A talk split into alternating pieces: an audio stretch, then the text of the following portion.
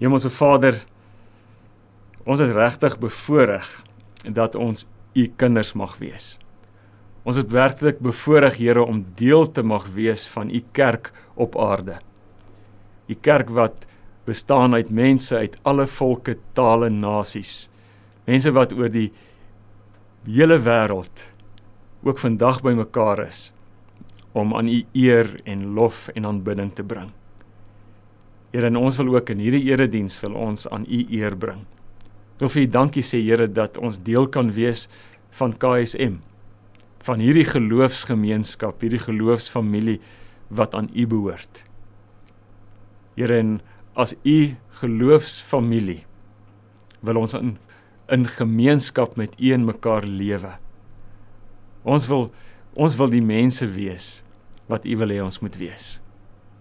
Dankie vir u woord en u gees wat vir ons begelei op die pad van kerk wees, van mens wees, van volgeling van Jesus wees. En kom doen dit vandag ook asseblief uh in hierdie tyd waarin ons saam is. Ons bid dit in die naam van Jesus. Amen. Ek lees 'n gedeelte uit Romeine 6 en ons gaan van vers 1 af lees en ons gaan tot by vers 12 lees. En dan gaan ek net een vers lees daar uit Romeine 7 uit vers 19. Romeine 6 vers 1. Wat moet ons nou hiervan sê? Moet ons aanhou sonde doen sodat die genade kan toeneem? Beslis nie. Hoe kan ons wat dood is vir die sonde nog daarin voortlewe? Of weet julle nie dat ons almal wat in Christus Jesus gedoop is, in sy dood gedoop is nie? Deur die doop is ons immer saam met hom in sy dood begrawe sodat soos Christus deur die wonderbaarlike magstaat van die Vader uit die dood opgewek is ook so 'n nuwe lewe kan lei. Aangesien ons met hom met Jesus een geword het in sy dood, sal ons sekerlik ook met hom een wees in sy opstanding. Ons weet tog dat die sondige mens wat ons was, saam met Christus gekruisig is sodat ons sondige bestaan beëindig kon word. Ons is dus nie langer slawe van die sonde nie. Iemand wat gesterf het is immers vry van die mag van die sonde. Ons het saam met Christus gesterwe, daarom glo ons dat ons ook saam met hom sal lewe. Ons weet dat Christus wat uit die dood opgewek is, nie weer kan sterwe nie. Die dood het nie meer mag oor hom nie. Hy het gesterwe en is eens en vir altyd vir die sonde dood. Nou lewe hy en hy lewe vir God. Julle moet dus altyd onthou dat ook julle vir die sonde dood is, maar vir God lewe. Omdat julle een is met Christus Jesus. Moet dan nie toelaat dat die sonde nog langer oor julle heerskappy voer en julle begeertes van julle sterflike aardse bestaan laat gehoorsaam nie. En dan daai een vers in hoofstuk 7 vers 19. Dis Paulus wat hier van homself praat en dan sê hy die goeie wat ek wil doen, doen ek nie. Maar die slegte wat ek nie wil doen nie, dit doen ek. Die goeie wat ek nie wil doen nie, wat ek wil doen, dit doen ek nie. Maar die slegte wat ek nie wil doen nie, dit doen ek. Ek is baie seker as ek na my eie lewe kyk, is ek, is ek baie seker ek is nie alleen as ek sê ek beleef hierdie selfde spanning wat Paulus hier beleef nie. Het jy al daaraan gedink? Beleef beleef jy dit nie ook nie? Hierdie probleem dat dat jy goeie dinge wil doen, dat jy die regte dinge wil doen op dat jy op die regte manier wil lewe. Maar as jy weer sien dan dan maak jy droog. Dan doen jy amper die teenoorgestelde van wat jy wou doen. Dink daaraan in jou verhoudings. Ek wil ek wil liewer wees vir my mense. Ek wil ek wil onselfsugtig leef teenoor hulle, maar as ek weer sien dan doen ek die teenoorgestelde. Dit dis waar van ons verhoudings. Dis waar van dis waar van ons lewenstyl en dis ongelukkig ook waar van ons navolging van Jesus, van ons verhouding met Jesus. Ons ons probeer en ons en ons wil maar as ons weer sien dan doen ons wat ons nie wil doen nie. Ons is eintlik vreeslik goed om dit te doen en ons sukkel om dit te doen wat reg is. Dis dis eintlik 'n wese wat Paulus hier sê. En die vraag wat ek vandag wil probeer beantwoord hier is hoekom? Hoekom gebeur dit? Hoekom hoekom het ons in ons verhouding met die Here en in, in ons lewe soveel belewennisse van mislukking? Hoeveel hoekom hoekom kry ons ons voornemens nie van die grond af nie? Hoekom val ons voornemens plat baie kort nadat ons hulle gemaak het? Die antwoord wat ek wat ek wil gee daarop vandag en ons gaan uitbrei daarop. Die antwoord is dood eenvoudig. Ek glo dis omdat ons by die verkeerde plek begin met ons lewensverandering.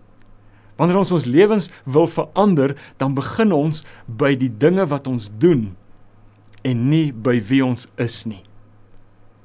Kom kom ek kom ek probeer dit illustreer. Ek ek ek kyk na my eie lewe En dis 'n vreeslike goeie ding om gereeld in die spieël na jou eie lewe te kyk en jouself te toets, is my lewe in lyn met die lewe wat Jesus van my verwag? En ek so ek kyk na my eie lewe en ek kom agter my lewe is nie op in lyn met wat Jesus van my verwag nie. En dan sê ek vir myself, myself, jy moet regmaak. Jy moet beter doen. Jy moet jou lewe verander dat hy in lyn kom met wat God van jou verwag. En dan probeer ek Ek probeer ek probeer om die regte dinge te begin doen. Ek wil minder vloek en meer bid. Ek wil ek wil meer Bybel lees en minder selfsugtig wees. Ek wil ek wil minder ongeduldig wees. Ek wil minder minder suiwig wees en meer vrygewig wees. Ek wil om dit saam te vat, ek wil beter lewe. Ek wil op die regte manier lewe. En ons doen dit, ons pak dit aan, ons probeer dit en as ons ons weer kry dan loop ons ons vas teen Romeine 7 vers 19. Die goeie wat ek wil doen, kry ek nie reg nie, maar die slegte wat ek nie wil doen nie, daarin spesialiseer ek. Daarin is ek goed. En ek het gesê die rede daarvoor is ons begin by die verkeerde plek. Ons ons die regte plek om te begin by vir met lewensverandering is nie by dit wat ek doen nie maar dit is by wie ek is. Die die ander woord daarvoor is my identiteit. As ek as ek die regte dinge wil doen op die regte manier, dan moet ek begin om die regte soort mens te wees. Want hierdie het ek al baie keer gesê, die regte soort mens doen die regte soort dinge. Craig Rochelle en ek terloops hy gaan hom 'n paar keer vandag aanhaal, maar Craig Rochelle sê so mooi, your identity shapes your actions. Wie jy is bepaal wat jy doen. Of om dit of om dit nog op 'n ander manier te sê, as ek weet wie ek is, sal ek weet wat om te doen. Iemand wat weet wie hy is, weet wat om te doen. En hier's nou 'n baie eenvoudige en baie dom illustrasie dalk, maar ek wil dit net ek wil net iets illustreer. As ek as ek weet ek is 'n volwasse man en my vrou sê vir my nee, jy kan nie vandag gaan golf speel nie. Dan gaan ek nie op die mat lê en skop en skree soos 'n kleuter nie. Want dis nie wie ek is nie. Ek is ek is 'n volwasse man en daarom weet ek wat om te doen. Jou identiteit bepaal jou aksies. En dis en en dis dis, dis ek wil dit weer sê. As jy weet wie jy is, sal jy weet wat om te doen. Hierdie Romeine 6 gedeelte wat ons gelees het, gaan alles oor identiteit. En as jy hom nou weer gaan lees, gaan kyk bietjie hoeveel word daar hoe hoe kom die tema van identiteit die heeltyd daarvoor. Omdat ek Jesus aangeneem het, dis wat Paulus daar sê, omdat ek een geword het met Jesus deur my geloof en deur my doop. Daarom is ek 'n nuwe mens. Daarom daarom is ek nou dood vir die sonde en ek lewe hierdie nuwe lewe vir God. Dis my identiteit. En dan hierdie baie mooi ding wat hy hier sê is my identiteit is nou nie meer slaaf nie. Ek is nie meer 'n slaaf van die sonde nie. Ek is nie meer 'n slaaf van enige iets nie. Ek is nou 'n kind van God. En hier terloops lê my heel diepste identiteit. Ek is 'n kind van God. Ek is ek is God se eie kind. En vanuit hierdie identiteit van my as kind van God, vloei daar 'n pragtige klomp ander ander aspekte van my identiteit na vore. As kind van God is ek 'n volgeling van Jesus. As as kind van God is ek nie net 'n volgeling van Jesus nie, maar ek is ook 'n getuie. Ek is 'n dienskneg. Dis dis wie ek is. En omdat ek is wie ek is. Daarom doen ek wat ek doen. My identiteit is kind van God, daarom leef ek nie in vrees nie. Slawe leef in vrees, kinders van God leef met vrymoedigheid saam met hulle Vader. Omdat ek omdat ek 'n getuie is, daarom getuig ek. Omdat ek 'n dienskneg is, daarom dien ek. Omdat ek 'n volgeling van Jesus is, daarom volg ek. Hoor jy die verskil? Dis nie eers probeer hierdie dinge doen, doen nie. Dit is ontdek en verstaan wie jy is in Jesus.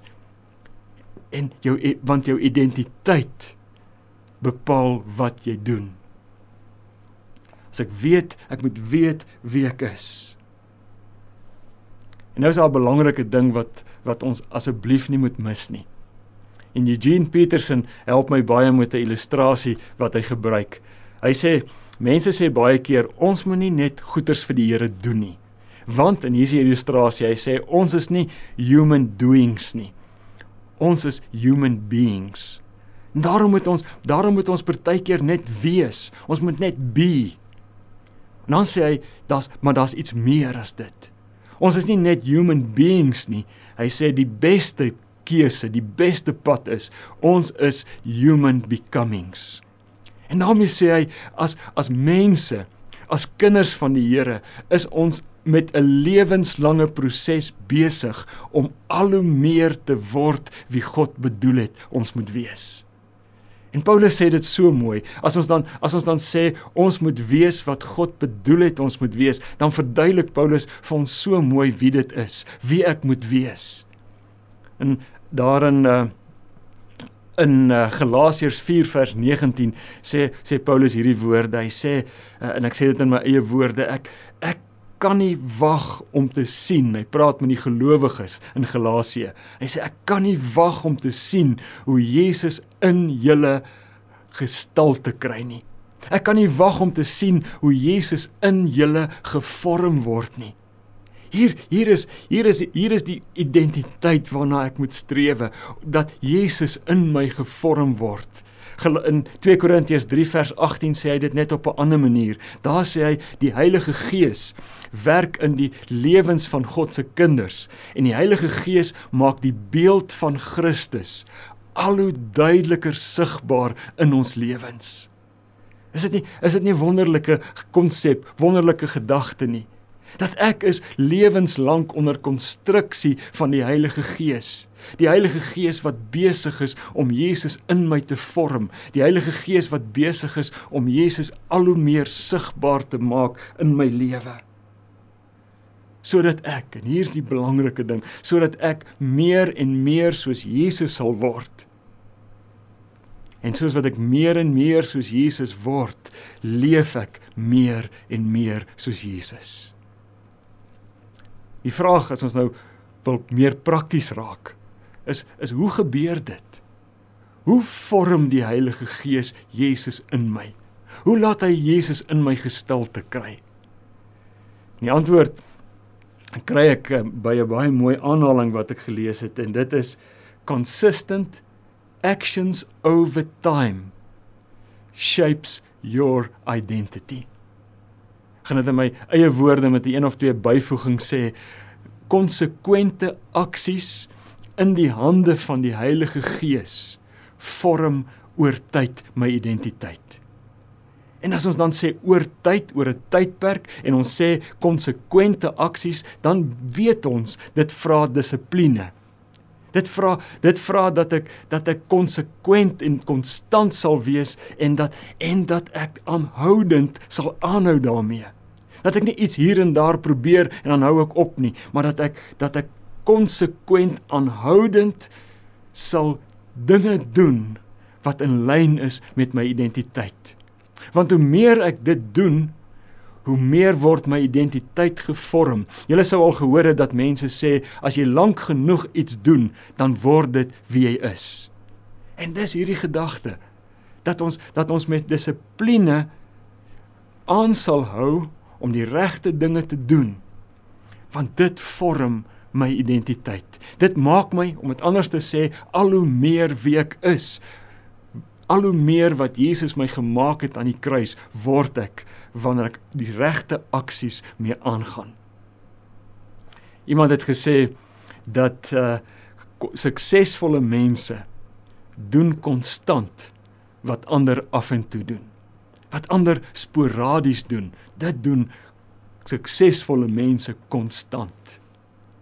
En dis hier waar waar die konsep van van geloofsdissiplines, geestelike dissiplines of soos ek daarvan hou om te verwys, geloofsgewoontes ter sprake kom. Geloofsgewoontes waar wat ek gebruik en benut om myself te oefen, soos wat Paulus in 1 Timoteus 4 vers 7 vir Timoteus sê. Jy Timoteus sê hy vir hom jy moet jou oefen daaraan in om in toewyding aan God te lewe. Nie probeer hier en daar 'n ding doen nie. Timoteus, wees gedissiplineerd, oefen jou daarin om in toewyding aan God te leef. En dis wat geloofsgewoontes in ons lewens doen.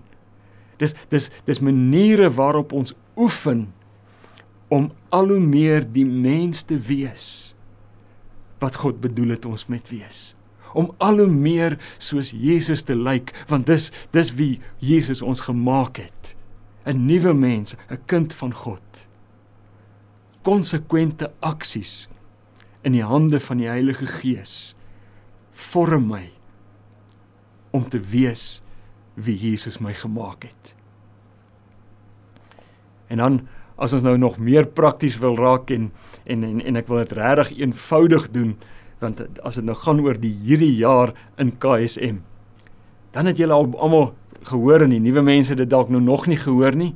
Maar ons sê by KSM vir mekaar die bestaansrede vir hierdie gemeente is om saam met mekaar die Jesus lewe te ontdek en om die Jesus lewe te leef.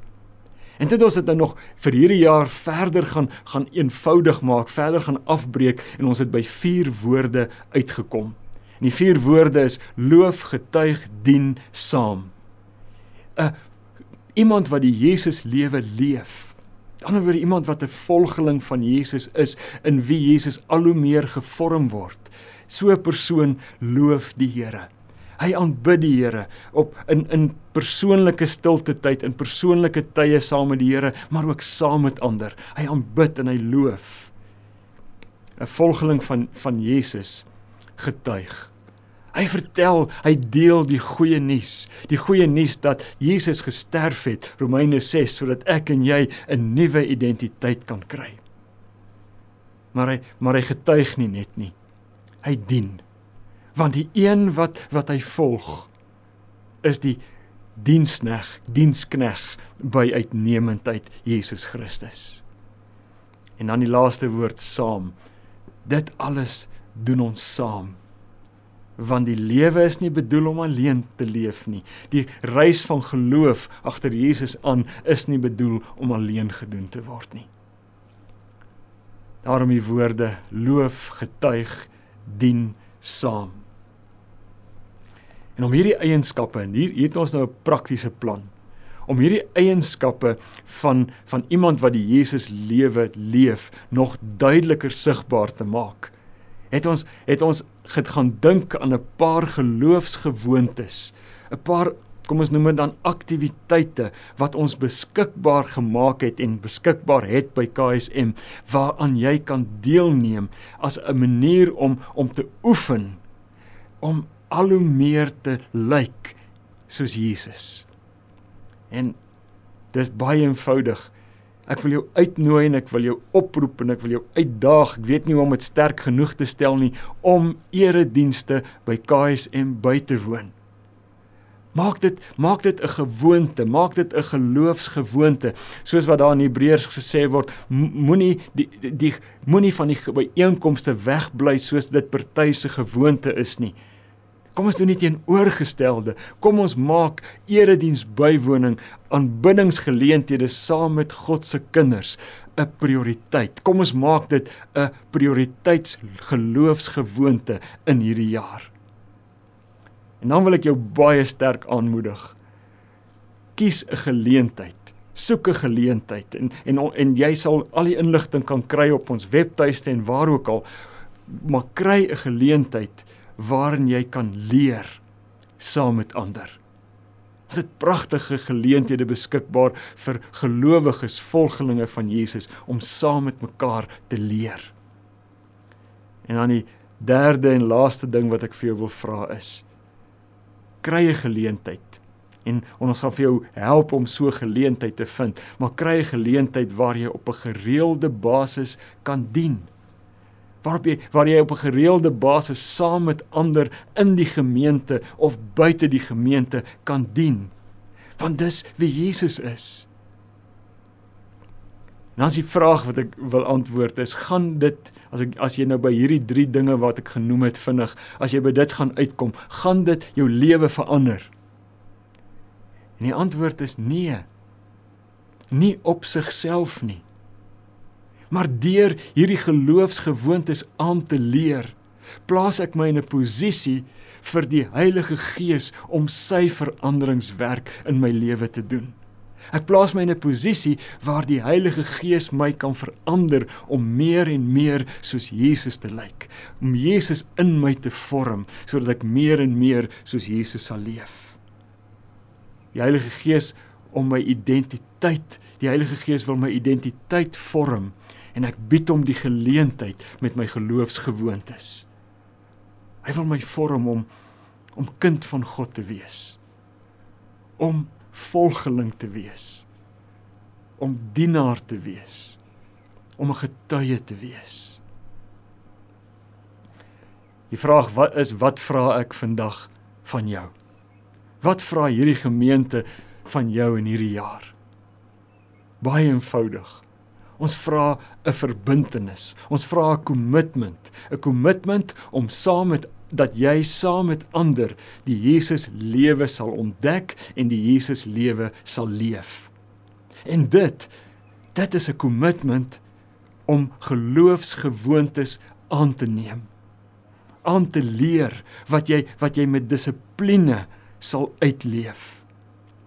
Want soos wat jy hierdie geloofsgewoontes aanleer en soos wat jy hierdie geloofsgewoontes met dissipline beoefen, verander die Heilige Gees jou en maak hy jou die regte soort mens. Die regte soort mens wat die regte dinge doen. En die regte soort mens, as ons Paulus reg verstaan hier, is dood eenvoudig iemand wat al hoe meer verander word en al hoe meer soos Jesus lyk. Al hoe meer soos Jesus dink, al hoe meer soos Jesus praat en al hoe meer soos Jesus doen. Die regte plek om te begin in lewensverandering is nie by die dinge wat jy doen nie. Dis by wie jy is. Dis by wie Jesus jou gemaak het toe hy vir jou gesterf het aan die kruis. Amen.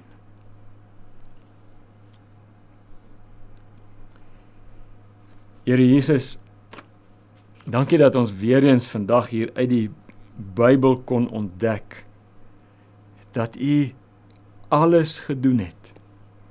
Dat ons net weer eens kon ontdek, Here, hoe volmaak die offer is wat U aan die kruis gebring het dat u gesterf het sodat wanneer ons u aanneem, ons regtig een met u kan wees.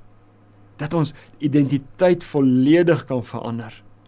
Dat ons nie meer slawe is nie, dat ons nie mense is meer wat uitgelewer is aan die mag van die sonde nie.